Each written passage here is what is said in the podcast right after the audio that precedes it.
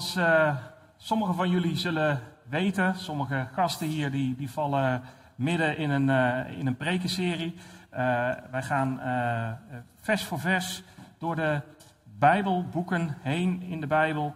En ehm, ja, ik ben nu één keer per maand door de tweede Timotheusbrief heen aan het gaan. En ja, dit is zoals zoveel brieven, is dit een geweldige brief. Uh, waarin Paulus eigenlijk aan het einde van zijn leven um, in de gevangenis zit. En Timotheus nog aan allerlei dingen op zijn hart drukt van Timotheus, hou nou vol, geef niet op, blijf dicht bij God. Hou het einddoel in de gaten. En um, hij heeft verschillende, nou, verschillende dingen hebben we al uh, behandeld uit hoofdstuk 1 en hoofdstuk uh, 2. En um, nu zijn we aangekomen bij hoofdstuk 3 en ik wil vandaag vers 1 tot en met 13 met jullie uh, behandelen. En ik wil het eerst gewoon eens voorlezen. En weet dit, dat in de laatste dagen zware tijden zullen aanbreken. Want de mensen zullen liefhebbers zijn van zichzelf, geldzuchtig, grootsprekers, hoogmoedig, lasteraars, hun ouders ongehoorzaam, ondankbaar, onheilig, zonder natuurlijke liefde, onverzoenlijk, kwaadsprekers, onmatig, vreed, zonder liefde voor het goede, verraders, roekeloos, verwaand, meer liefhebbers van zingenot dan liefhebbers van God. Ze hebben een schijn van godsvrucht, maar hebben de kracht ervan verlogend. Keer u ook van hen af. Want tot hen behoren zij die de huizen binnensluipen en vrouwtjes in hun macht krijgen, die met zonde beladen zijn en door allerlei begeerten gedreven worden, die altijd leren en nooit tot kennis van de waarheid kunnen komen. Op de wijze waarop Jannes en Jambres tegen Mozes ingingen, zo gaan ook zij tegen de waarheid in. Het zijn mensen met een verdorven gezindheid en, wat het geloof betreft, verwerpelijk. Maar ze zullen het niet veel verder brengen, want hun dwaasheid zal voor ieder volstrekt duidelijk worden, zoals dat ook bij die twee het geval was. Maar u hebt mij nagevolgd in mijn onderwijs, levenswandel, levensopvatting, geloof, geduld, liefde, volharding. In mijn vervolgingen en lijden zoals die mij overkomen zijn in Antiochië, in Iconium en in Lystra. Wat heb ik al niet aan vervolgingen doorstaan en uit die alle heeft de Heere mij verlost. En ook allen die godvruchtig willen leven in Christus Jezus zullen vervolgd worden. Maar slechte mensen en bedriegers zullen van kwaad tot erger gaan. Zij misleiden en worden misleid. Ik heb als titel voor de preek, voor dit, eigenlijk de samenvatting van dit gedeelte uh, gegeven van pas op, geestelijk besmettelijk afval. Er is iets aan de hand. Er is iets waar Paulus Timotheus voor waarschuwt. En um, dit stuk, we vallen eigenlijk midden in de brief. Dus als we heel eventjes terugkijken naar waar, wat hij uh, zei in 1 Timotheus 2, vers 22. Daar riep Paulus uh, Timotheus op: ontvlucht de begeerte van de jeugd Jaag rechtvaardigheid, geloof, liefde en vrede na, samen met hen die de Here aanroepen uit een rein hart. Hij roept Timotheus op om, om, om te vluchten van, van al die zaken die, die, die ons hier in het leven eigenlijk kunnen, um, kunnen vasthouden. En hij roept op juist om naar rechtvaardigheid, om naar geloof en naar liefde en naar vrede uh, om dat te zoeken samen met mensen die God aanroepen uit een rein hart. En dan heeft hij het er ook over hoe die op, een gegeven moment ook mensen die, die zich verzetten met zachtmoedigheid moet onderwijzen. misschien geeft God hun bekering. En dan komen we aan in dit hoofdstuk 3. Uh, en dan geeft hij aan van Let op, er staat iets te gebeuren. Let op, er is iets aan de hand. Als wij waarschuwingsborden zien, zoals hè, dat, dat, dat, we moeten oppassen voor, voor, voor hoogspanning of voor radioactief afval, of dat er een, een, een ont, ontvlambaar gas is, of, of dat er ergens gif in een flesje zit, of dat je moet oppassen om ergens te. Als je verstandig bent, neem je die waarschuwingen te harte. De meeste waarschuwingen die er staan, die zijn niet nutteloos. Nou ja, goed, uh, zo nu en dan is er een, nutteloze uh, waarschuwing. Hè, dat je het eh, kind uit, de, uit het ding moet halen voordat je hem opvouwt. Maar goed, de meeste waarschuwingen die we vinden zijn nuttig. En zeker de waarschuwingen die we vinden in de Bijbel. En sommige gevaren, dat zijn sluipmoordenaren. dan zijn de waarschuwingen zijn er. En als je op de juiste manier kijkt, dan zie je ze en ze negeren is levensgevaarlijk. Als je dit, dit, dit waarschuwingsplaatje ziet, dan moet je echt oppassen. want dit is een gevaar radioactief materiaal. Nou, voor de mensen die weten hoe dat zit met radioactief materiaal, uh, dat zie je niet. Uh, ja, het materiaal zie je wel, maar je ziet niet dat het, dat het bezig is met uh, radioactiviteit aan het, radioactieve straling aan het uitstralen. dat zie je niet, maar het, het, het heeft wel enorme impact op jouw lichaam. Het kan jou helemaal kapot maken. En een manier om dat te zien, dan heb je daar een zogenaamde Geiger-teller voor nodig. Die kan opvangen hoeveel radioactieve straling op je afkomt en dan kun je weten van of je moet rennen of niet. Zeg maar. Nou, dat is een beetje uh, wat zo'n zo'n teller jou kan, uh, uh, waarbij zo'n teller jou kan helpen. En het gedeelte wat, wij, wat we nu zien hier in 2 Timotheus 3, dat is eigenlijk zo'n waarschuwingssignaal. Gevaar, besmettelijk, geestelijk besmettelijk afval. En de manier hoe wij hier tegen bestand kunnen zijn, hoe wij dat kunnen zien wat er nou aan de hand is, is dat we de Bijbel ernaast leggen. Als we simpelweg naar de, vanuit de Bijbel naar de, naar de situaties in eh, de wereld om ons heen kijken, dan kunnen wij zien wat er aan de hand is. En weten we ook, kunnen we ook de juiste acties ondernemen. Als we nou eens kijken wat Paulus hier aan het zeggen is tegen, Peter, eh, tegen uh, Timotheus. Hij zegt hier, ik, en weet dit, dat in de laatste dagen zware tijden zullen aanbreken.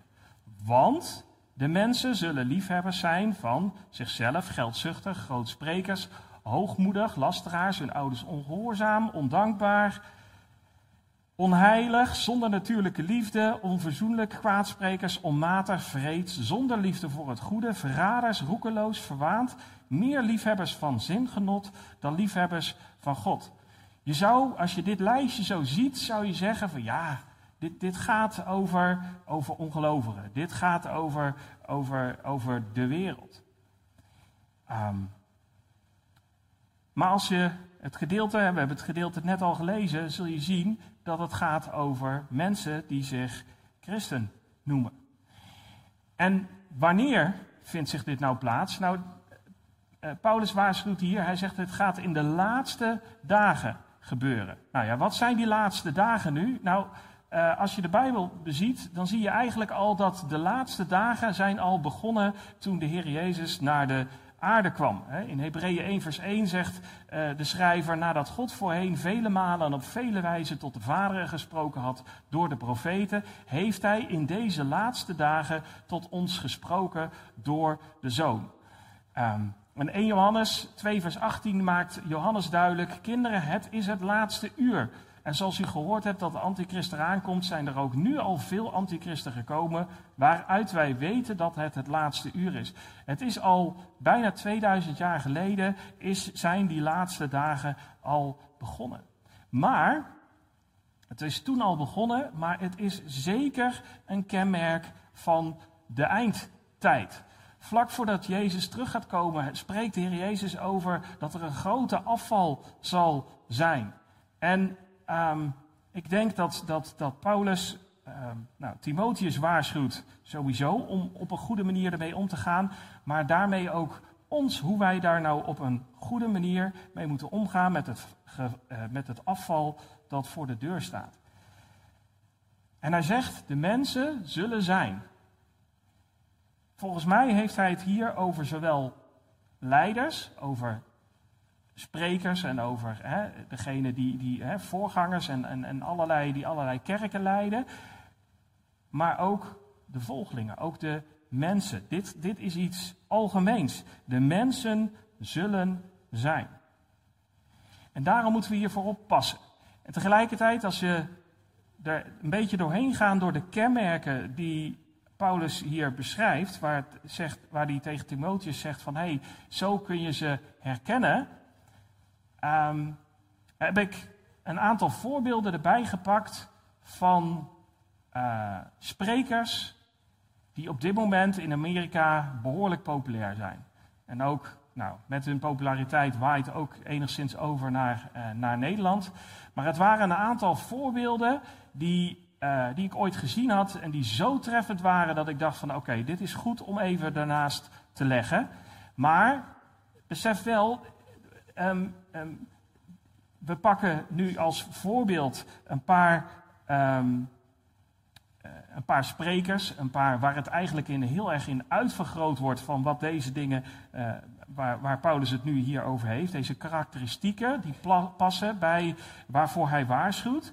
Maar het gaat ook op voor de mensen zelf.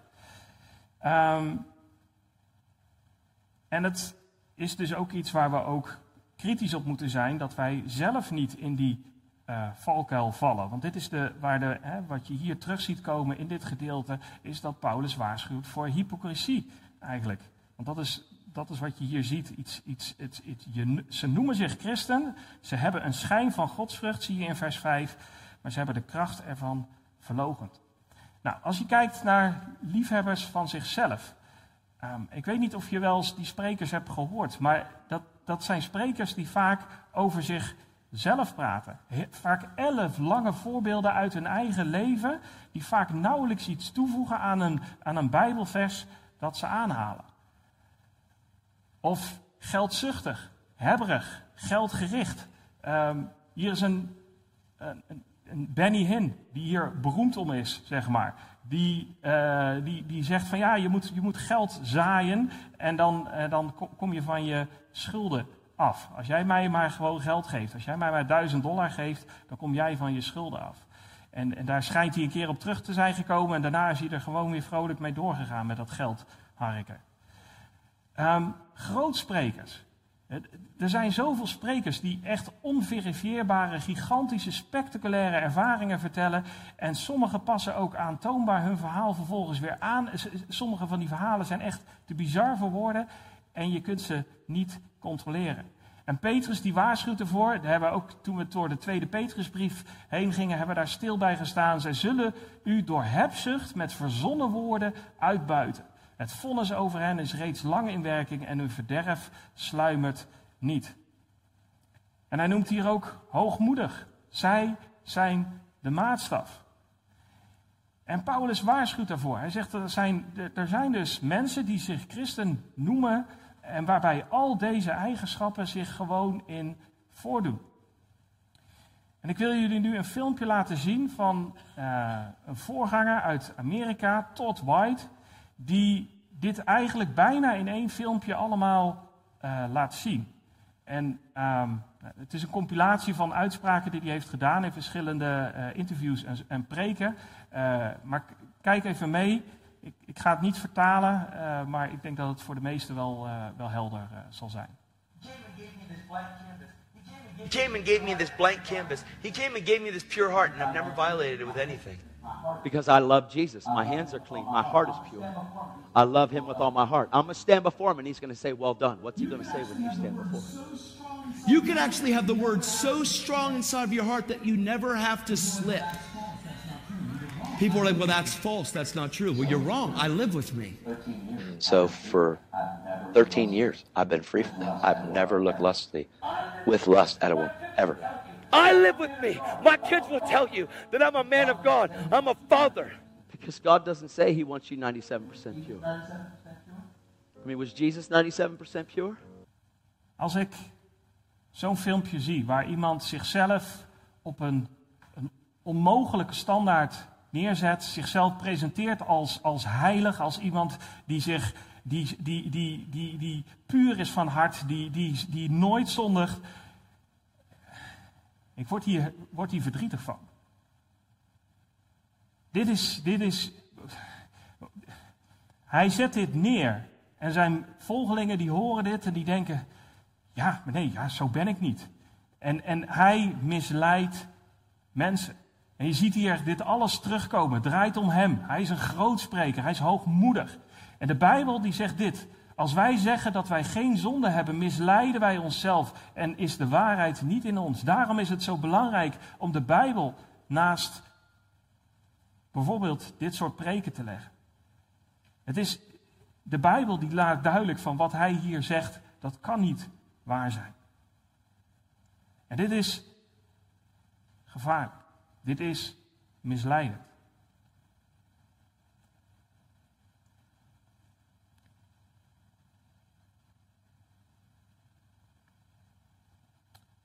Hij waarschuwt voor lasteraars.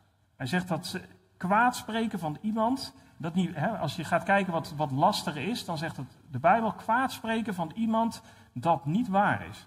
Hè, iemands eer of goede naam schenden, beledigende of schadelijke spraak. En als je, als je kijkt in de Bijbel, wordt het, wordt het eigenlijk allemaal genoemd. En dan voornamelijk wordt het gebruikt met name tegen God. Maar lasteren, ehm, dat, dat is dus ook gewoon iemands hè, goede naam bijvoorbeeld schenden. En nou zou je kunnen zeggen, ja maar Onno, je, haalt net die persoon, haal je aan. Ehm, ja, maar het heeft niks te maken met, met dat je niet uh, mensen mag wijzen op hun fouten en dat je mensen mag laten zien van ja, maar dit is wat zij onderwijzen dat dat verkeerd is. Maar het gaat over het, dat je dingen vertelt die niet uh, waar zijn. Of in het geval naar God toe, beledigend naar God toe. En dat zie je bijvoorbeeld terugkomen in Lucas 23. Daar wordt het, hetzelfde woord gebruikt. En een van de misdadigers die daar hingen, die lasterde hem en zei: als u de Christus bent, verlos dan uzelf en ons.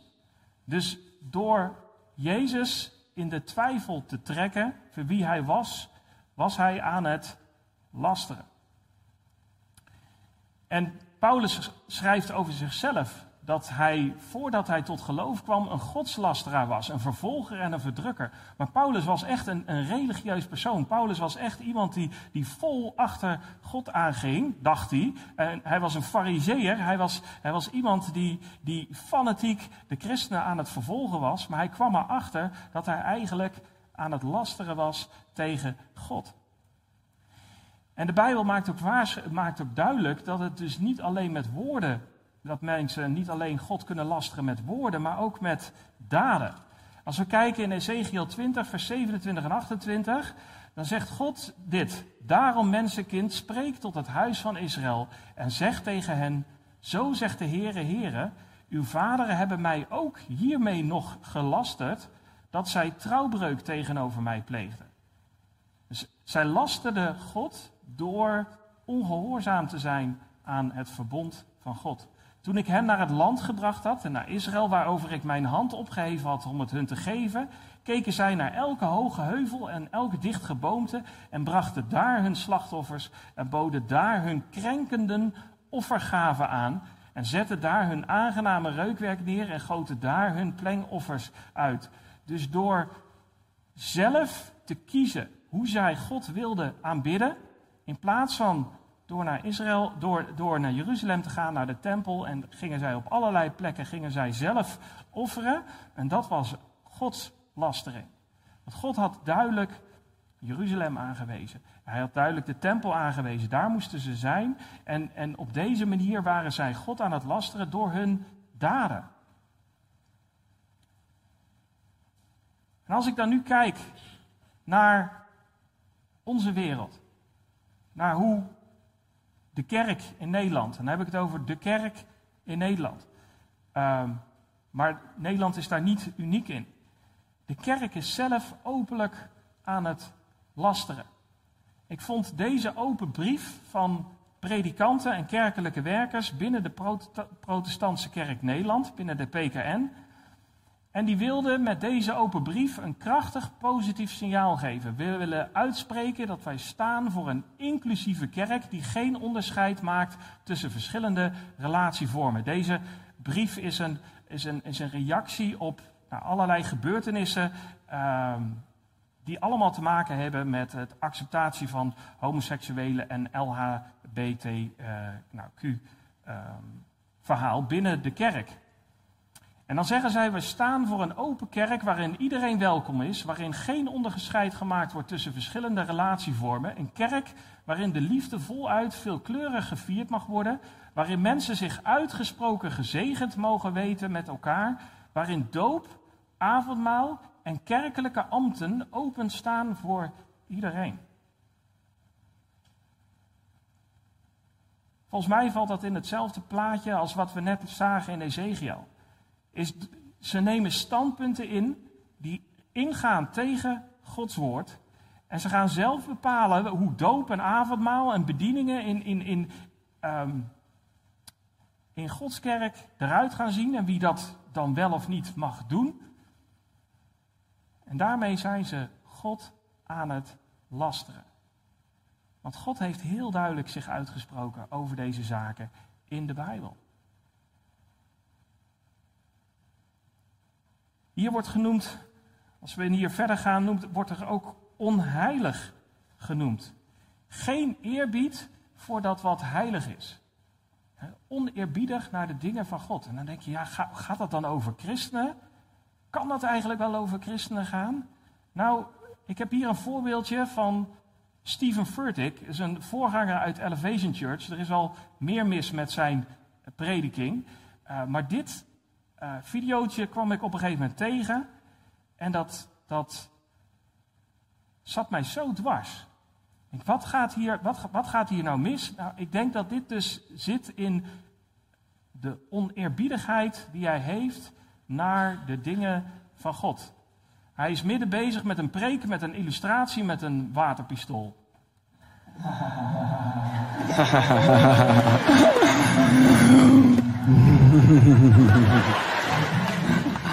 I'm praying about whether to follow through on this illustration. And I hear the Lord say, Yes! Dan zou je zeggen: Ja, is dit nu zo erg? Ja, dit is echt heel erg. Is hij is nu een illustratie aan het doen waarbij hij eigenlijk, in mijn ogen, maakt hij gebed belachelijk. Hij maakt het, het, het verstaan van de stem van God maakt hij belachelijk. Ehm, en het, gaat, het is maar een kleine illustratie. Maar wij moeten in de kerk, daar waarschuwt Paulus voor, wij moeten, eh, en Petrus waarschuwt ervoor, we moeten heilig wandelen. Op een manier die, die in overeenstemming is met hoe God wil dat wij leven. En dat betekent dat we respect moeten hebben, eerbied voor de dingen van God. Dan kunnen we toch niet op zo'n manier met gebed omgaan, met de stem van God proberen te verstaan. Het volgende wat genoemd wordt is meer liefhebbers van zingenot dan van God. Ik kwam deze preekslide tegen van een kerk in Amerika, in Florida. Die heet de Church by the Glades. En daar in die preek, daar stond church should be fun. Nou, ik, ik ben er absoluut hè, mee eens dat we niet onnodig allerlei drempels moeten aangeven, uh, op, opwerpen. En, en, en als je gaat kijken naar het leven met de Heer Jezus, dat is, dat is de Heer Jezus zegt van, dat geeft blijdschap, dat geeft vrede, dat geeft, hè, dat we kunnen hier ook met z'n allen, kunnen we hier blij zijn en kunnen we, uh, dus we hoeven hier niet, niet bedompt te gaan zitten en, en allemaal uh, in een hoekje en, en, heel zwaar te gaan zitten. Dat hoeft niet. Um, maar de betekenis die zij geven aan church should be fun. Um, nou, dat, ik zal dat laten zien in het volgende filmpje.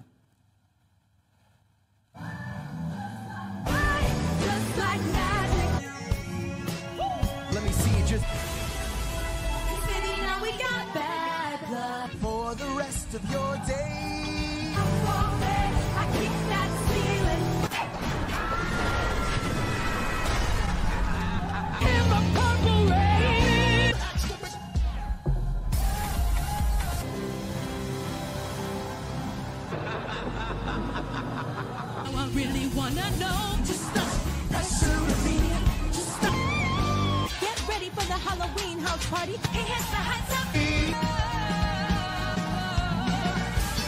Ladies and gentlemen, let me introduce to you this weekend's starting preacher. Standing six foot two, weighing in at 210 pounds from Baylor University, Pastor David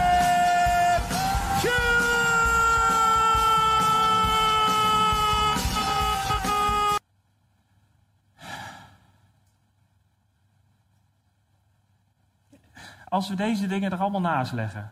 Ja, ik denk dat, dat als we het hier ook hebben over van wie staat hier in het middelpunt. Waar draait het hier om? Ik, ik, ik, kan niet eens tellen hoeveel dingen ik hier ben tegengekomen in dit filmpje. Waar ik echt van denk van hoe kom je hierbij?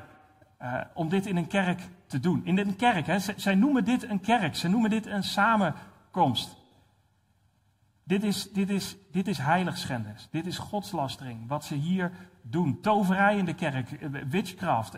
Het, is absurd. En ze doen het allemaal onder het mom van ja, het is maar. Hè, we trekken maar op deze manier mensen de kerk eh, binnen. Volgens mij waarschuwt Paulus hiervoor. En Paulus is niet de enige die hiervoor waarschuwde. Een, een paar, ongeveer zo'n 100, nou ja, dat is dus nu 130 jaar geleden, waarschuwde Charles Spurgeon hiervoor. Hij zegt, er zal een tijd komen dat in plaats van dat de herders de schapen voedsel geven, dat de kerk clowns zullen hebben die de bokken vermaken. Nou, dit is, dit is een voorbeeld daarvan. En dan staat er in vers 5, ze hebben een schijn van godsvrucht, maar hebben de kracht ervan verlogend. Weet je wat er aan de hand is? Weet je wat er nou zo'n probleem is met, met dit soort zaken? Met, met, met als je gaat kijken waar, waar zoveel kerken tegenwoordig over eh, alleen nog maar mee bezig zijn, dan is het, ze noemen wel Jezus, ze noemen wel God. Ze, ze zeggen dat ze bezig zijn met aanbidding. Sommigen vasten zelfs, ze bidden, ze organiseren kinderkampen, ze doen van alles. Maar hun daden en hun leer komt niet overeen met het woord van God. En dat is die schijn van godsvrucht. Dat is dat, dat het lijkt op het christendom, maar het is het totaal niet.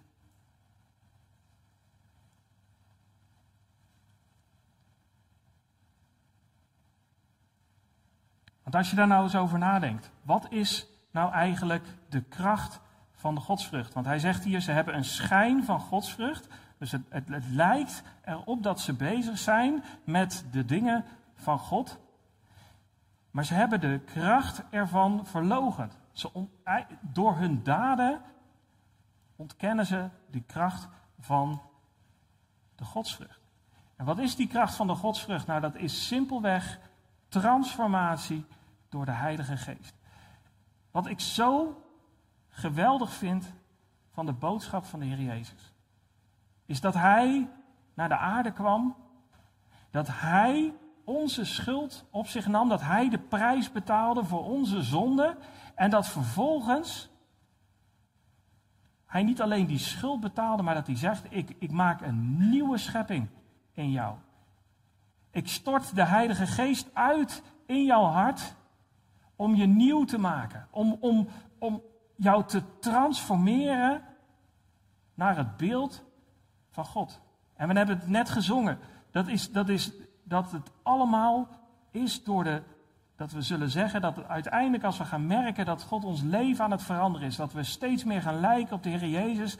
Dat we zullen zeggen, ja maar dat is de kracht van, de, van Christus die door ons heen werkt. Net zoals een rups totaal afgebroken wordt als die in die kokon zit. Ik vind dat zo'n mooi beeld van die rups. Die wordt, die wordt tot op de cel wordt die helemaal afgebroken en wordt die opnieuw opgebouwd tot een vlinder. En, en dat is volgens mij een heel treffend beeld van wat er gebeurt op het moment dat wij tot geloof komen in de Jezus. Dan, dan, dan schept Hij een, een nieuw mens in ons. En vanuit die nieuwe mens vanuit de Heilige Geest in ons hart gaat Hij ons transformeren en, en, en maakt hij dat, dat wij steeds meer gaan lijken op de Heer Jezus. En daar hebben we ook bij stilgestaan in de tweede Petrusbrief. Dat de, het- Petrus schrijft, zijn, immers zijn goddelijke kracht heeft ons alles geschonken wat tot het leven en de godsvrucht behoort, door de kennis van Hem die ons geroepen heeft, door Zijn heerlijkheid en Zijn deugd.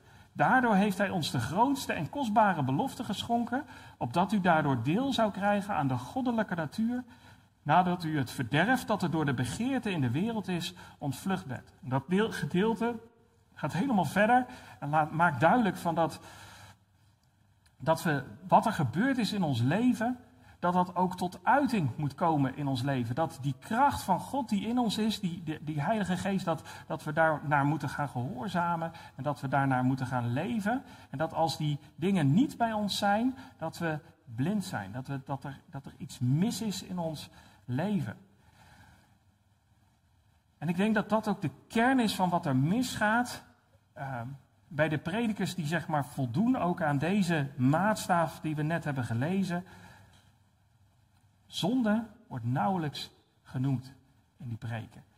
Dat zijn allemaal maar nare dingen om het over te hebben. We hebben het over, misschien over tekortkomingen of over, over kleine dingen. Of, of we moeten ons leven beter gaan invullen of dat soort dingen.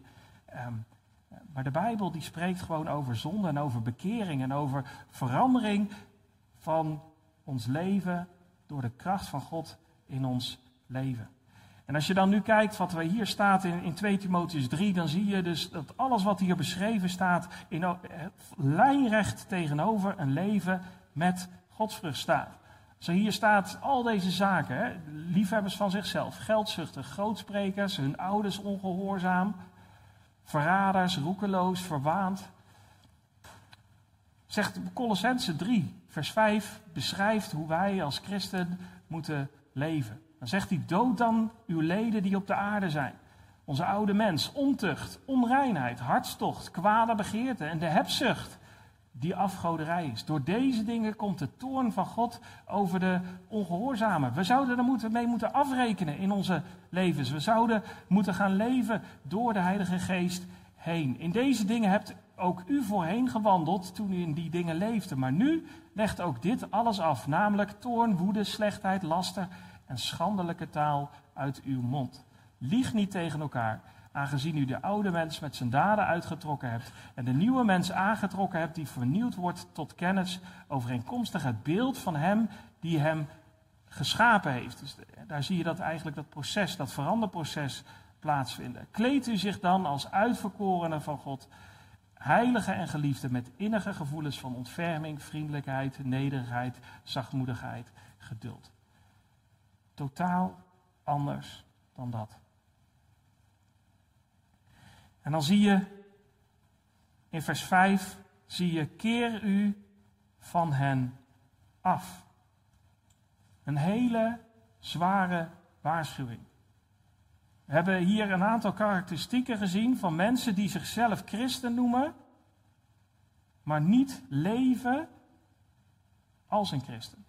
Niet leven volgens het woord van God. Zelf hun eigen invulling geven, maar wel de naam van Jezus roepen. Wel zeggen, ja hoor, ik ben christen.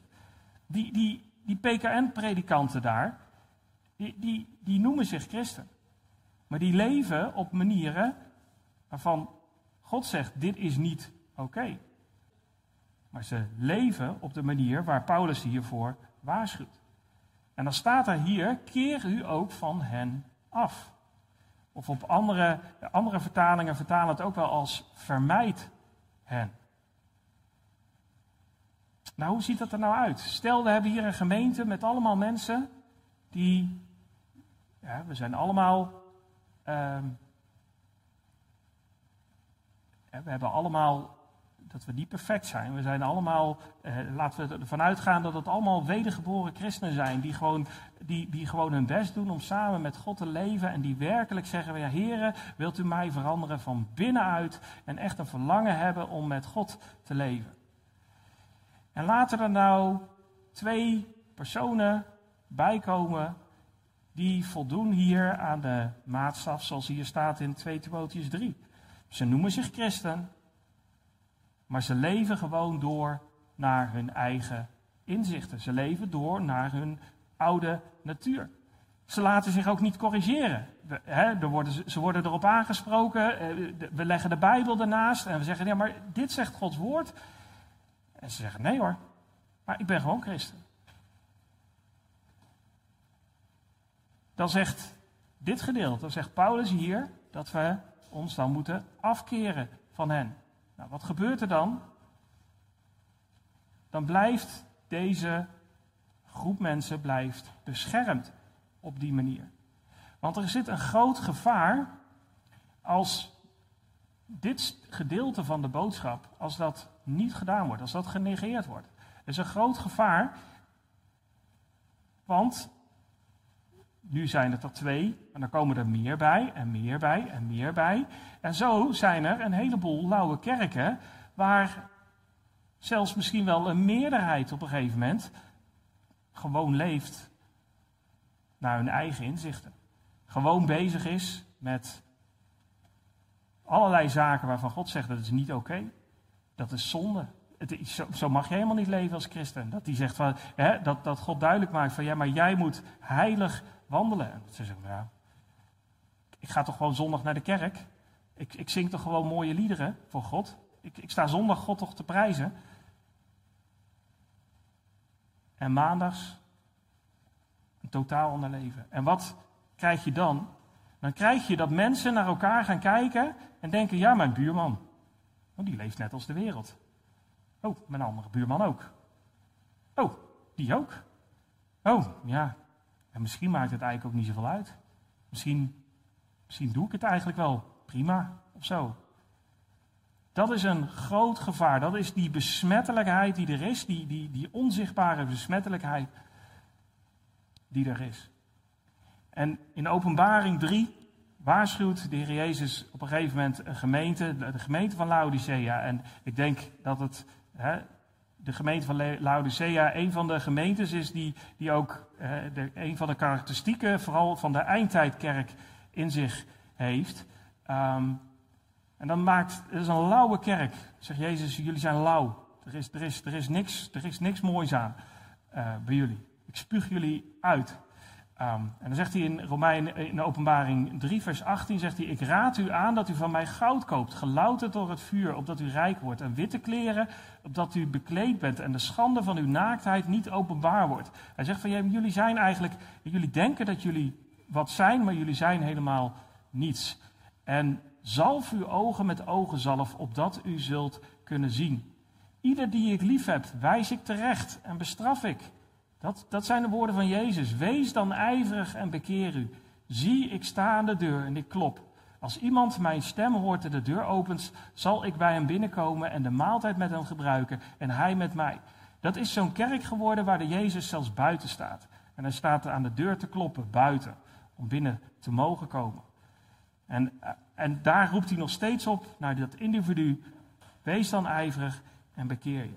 En ik zou iedereen willen adviseren die in zo'n gemeente komt, in, in, een, in een gemeente zit waar zoveel lauwheid is, waar, waar, je, waar je denkt van ja, waar, waar, waar moet ik hiermee? En waarbij het doorgedrongen is in de, in de leiding, eh, bij de leidinggevende. Ga daaruit weg. Hoe, hoe, hoe wil jij ooit, hoe wil jij ooit eh, gezonde voeding dan gaan krijgen? Hoe wil jij, eh, als jij alles gedaan hebt wat jij kunt doen om, om de mensen te bereiken, zoek een, wat, wat, waar Paulus die Timotheus hiertoe oproept, oproept, opriep in 1 Timotheus 2 vers, of in 2 Timotheus 2 vers 22, ontvlucht de begeerte van de jeugd. Ja, rechtvaardigheid, geloof, liefde en vrede na, samen met hen die de Here aanroepen uit een rein. Ga op zoek naar die mensen. Als je dat niet doet, loop je groot gevaar. Dit is het gebied van Tsjernobyl. Ehm, een foto daarvan. En eh, het is daar.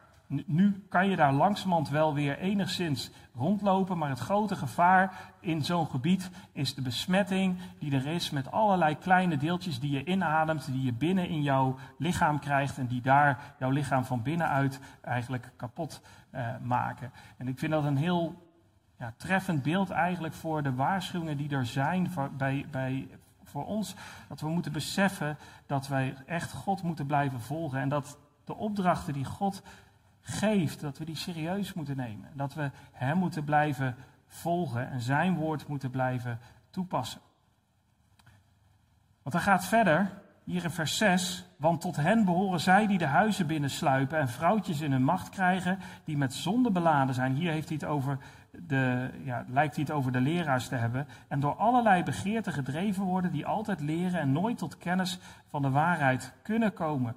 Op de wijze waarop Jannes en Jambres tegen Mozes ingingen, zo gaan ook zij tegen de waarheid in. Het zijn mensen met een verdorven gezindheid en wat het geloof betreft verwerpelijk.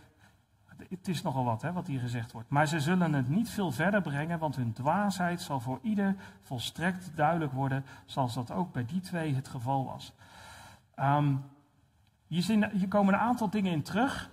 Ehm, hier komen in ieder geval al terug dat er mensen zijn die altijd aan het leren zijn, maar die zich nooit bekeren. En waar zelfs de Bijbel zegt, die nooit tot kennis van de waarheid kunnen komen. Dus op een of andere manier zijn er mensen die, die eh, ten alle tijde wel bezig zijn met de dingen van God en dan luisteren. eh, maar het lijkt erop dat zij nooit werkelijk God aannemen. Nooit werkelijk tot bekering komen. Maar eigenlijk altijd weer van de ene hype in de andere hype eh, springen. En, en die valse leraren, die, die hebben die mensen op het oog. Die ehm azen op de zwakken. Net als Amalek. Als jullie het verhaal van Amalek nog weten uit het Oude Testament. Amalek die viel de achterhoede aan van Israël. Waar de, waar de, de oude mensen en de, en de kinderen liepen. En hier zie je dat eigenlijk ook weer gebeuren. Hier die, die ehm, valse leraren die, die de huizen binnensluipen en vrouwtjes in hun macht krijgen die met zonde beladen zijn. Alsof, die, die, alsof hij hier eh, iets beschrijft van, van dat, dat ze mensen in hun macht krijgen die al beladen zijn met allerlei zonden en die daar misschien ook wel uit willen komen, maar dan ja, niet zo goed misschien weten hoe. Eh, en die door allerlei begeerten gedreven worden, dus die bezig zijn met, met alles te willen. Ehm, die misleiden ze gewoon.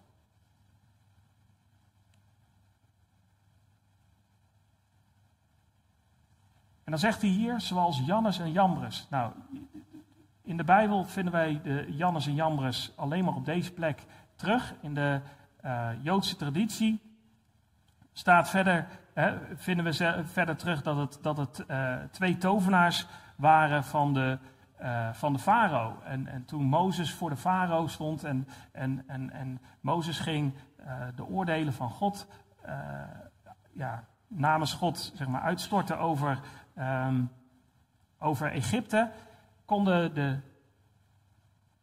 de magiërs, de tovenaars van Egypte, konden hetzelfde doen. Maar toen het erop aankwam om echt leven te verwekken, toen de muggen ineens uit het niets kwamen, toen lukte het niet meer. Pas vanaf, vanaf het wonder van dan drie zeiden ze, dit is de vinger van God, dit, dit, dit kunnen wij niet. En dat lijkt erop alsof dat ook over die valse leraar gaat. Ze vertellen van alles, maar het is het allemaal niet. Het kan niet echt leven geven. Jezus is het die echt leven geeft. En hier zie je ook, ze zullen niet veel verder brengen, want hun dwaasheid zal voor ieder volstrekt duidelijk worden, zoals dat ook bij die twee het geval was. Ehm, het is een komen en gaan van valse leraren. Er is van de ene hype naar de andere hype, dan is er die weer, dan is er die weer. Ze, ze komen en ze gaan. Maar, zegt Paulus hier, u hebt mij nagevolgd tegen Timotheus in onderwijs, levenswandel, levensopvatting, geloof, geduld, liefde, volharding. Daarin zie je van, nou, Paulus zegt van ja, maar dit, dit is wat jij eh, gezien hebt in mijn leven. Ehm, hij zegt van, ik heb volgehouden in mijn vervolgingen en lijden, zoals die mij overkomen zijn in Antiochië, in Iconium en in Lystra. Wat heb ik al niet aan vervolgingen doorstaan? En uit die alle heeft de Heer mij verlost. Eh, we hebben al eerder stilgestaan bij het leven van eh, Timotheus. En, en, en nou, dat, dit, dit gebied waar dit gebeurde, dat was het gebied waar Paulus uiteindelijk ook Timotheus heeft opgepikt. Dus eh, dit zijn dingen die waarschijnlijk Timotheus allemaal geweten heeft van waar Paulus doorheen is gegaan. En daar herinnert hij Timotheus aan. En ook allen, waarschuwt hij dan, die godvruchtig willen leven in Christus Jezus, zullen vervolgd worden. Dus als jij ervoor kiest om te zeggen, als jij zegt, ja maar ik wil Jezus volgen, dan ga je het zwaar krijgen. Zeker in deze laatste tijd. We zullen vervolging krijgen. Waarom? Omdat we gewoon simpelweg het woord van God brengen en mensen dat niet willen accepteren. Maar, staat hier, slechte mensen en bedriegers zullen van kwaad tot erger gaan. Zij misleiden en worden misleid. Dus wat we hier terug zien komen, we zien, zullen vervolging hebben. En God neemt omstandigheden ook niet weg, maar helpt hem doorheen. Hij zegt hier, in mijn vervolging en lijden, zoals die overkomen zijn in Antiochië, hè, wat heb ik allemaal wel niet doorstaan, maar uit die alle heeft de Heer mij verlost. Eh, God heeft, heeft, heeft Paulus er doorheen geholpen en nu zit hij in de gevangenis en hij, hij heeft het idee dat, het, dat dit de laatste beproeving gaat zijn en dat hij hierna gaat sterven. Ehm, maar het is wel een bemoediging die hij eigenlijk meegeeft aan Timotheus, dat hij zegt van joh, God heeft mij er doorheen geholpen. Maar dan nog die waarschuwing. Slechte mensen en bedriegers misleiden en worden misleid. Het is zo belangrijk om dat te beseffen, dat ehm, als je kijkt naar de preken bijvoorbeeld van zijn Joel Osteen, die gewoon een welvaartsevangelie preekt, een voorspoedsevangelie preekt, die erover heeft, your best life. Nou, we hebben er vaker bij stilgestaan, het is te bizar voor woorden dat hij dit onder de naam van Jezus eh, promoot. Maar your best life nou, en, en Creflo Dollar is, is, is een andere valse leraar daar. En die, die vertelt gewoon acht stappen om het leven te maken wat jij wil. Het, het gaat compleet in tegen de boodschap van de Heer Jezus. Ehm, maar zij brengen het. Maar je zou dan kunnen zeggen, ja, maar dat, wat, wat zielig toch. Zij, zij misleiden al die mensen die ze volgen. Maar, maar Paulus maakt hier duidelijk, die slechte mensen, dat zijn ook degenen die worden misleid. Want wat die misleiders drijft om te misleiden, zit in de kern ook van de mensen die naar hen komen luisteren. Eh, Joel Osteen heeft 50.000 mensen of zo in, in, in zijn kerk zitten. Dat zijn allemaal mensen die, die willen succes, die willen geld, die willen en gelukkig komen daar ook mensen uit tot geloof. Mensen die, die, die merken van dit is, niet, dit is niet de Jezus van de Bijbel. Dit is niet uh, uh, werkelijk de boodschap van God. Maar het grote deel daarvan die wil gewoon horen wat ze willen horen. En, en um, daarom worden ze ook misleid. Dus ja, als we dit gedeelte dan gelezen hebben, um, denk ik dat we ja, dat het gewoon goed is om te beseffen van, van waar gaat het hier nou om. Dus Paulus roept op om rechtvaardigheid, geloof, liefde en vrede na te jagen met de echte gelovigen. Met gelovigen die oprecht bezig zijn om gewoon Jezus te volgen. En hij waarschuwt voor hypocrisie. En dat geldt ook voor onszelf. We moeten ook onszelf voortdurend onder de loep leggen. En zeggen van ja, maar ben ik nou wel echt ook aan het doen wat ik, als ik de naam van de Heer Jezus claim, als ik zeg ik ben een christen, doe ik dan ook echt werkelijk wat Jezus van mij vraagt. En dan keer je af van mensen en leraars die zich christen noemen, maar overduidelijk doorleven in hun zonde. En leg die lijst nou eens van deze kenmerken die je hier ziet, naar sprekers, naar wie jij luistert. Echt, deze, het, het, het, is echt een lijst dat als je die gaat, gaat leggen naast de sprekers, uh, naar veel sprekers, dan zul je erin zien van dat daar heel veel dingen in terugkomen. Volg het voorbeeld na van Paulus, zoals Paulus nederig Jezus navolgde. Hij roept hierop, volg mij na, hè, zoals ik uh, Jezus ook na heeft gevolgd, zegt hij op een andere uh, plek in, uh, in de Corinthiërs. In onderwijs, in levenswandel, in levensopvatting, geloof, geduld, liefde en volharding. En dan houdt simpelweg vast aan Gods woord. En daar gaan we de volgende keer in verder, want dat is het gedeelte wat hierna komt, is dat hij gaat vertellen van ja, maar er is, maar, hè, dat er is, er is echt maar één manier waardoor je dit ook allemaal, waardoor je je leven zuiver houdt, waardoor je werkelijk kunt vast blijven houden aan God, is door zijn woord. Door zijn woord te lezen en toe te passen. Zullen we bidden?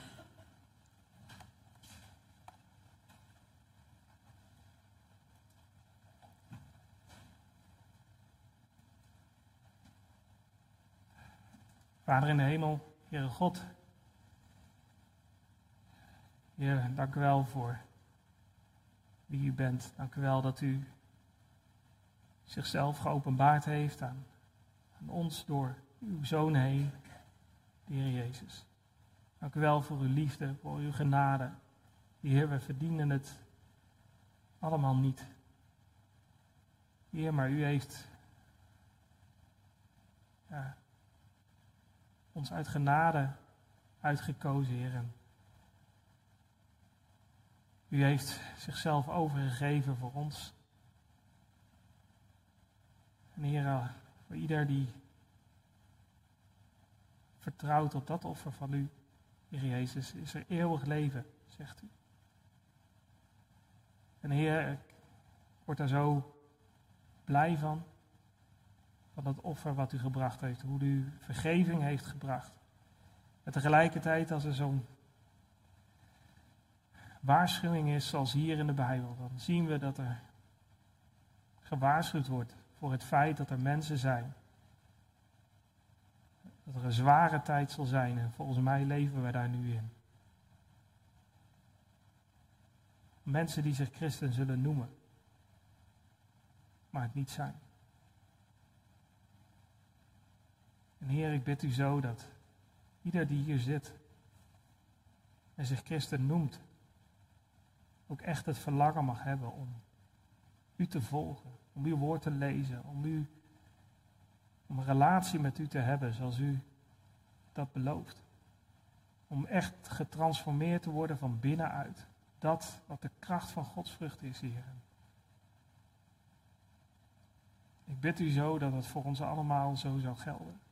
En ik bid u zo voor wijsheid, voor, voor inzicht, hoe we moeten omgaan met de christenen die, de mensen die zich christen noemen. Blijven volharden in een, in een leven dat tegen u ingaat. Nu u ons hiertoe oproept om ons daarvan af te keren, om, om ons hen te vermijden, Heer. En ik bid u dat we daar de kracht voor zullen hebben. De wijsheid en het inzicht om te zien wanneer we genadig moeten zijn en geduld en onderwijs moeten geven. En op andere momenten moeten zeggen van dit is zo'n geval zoals Paulus hier beschrijft. Ik bid u zo voor wijsheid en liefde voor uw genade in ons leven, Heer, want we hebben het zo hard nodig. Heer, we danken u en we prijzen uw naam voor wie u bent. Amen.